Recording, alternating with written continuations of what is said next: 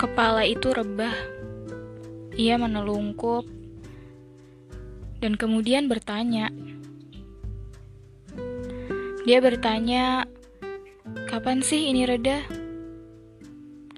Rindu loh, bersenggolan di tengah padat, mendengarkan klakson-klakson pengendara yang sedang bercengkrama,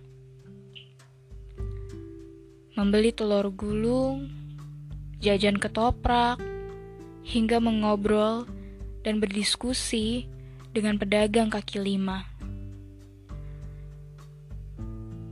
Sekarang, bertegur sapa saja tidak bisa dengan berjabat tangan.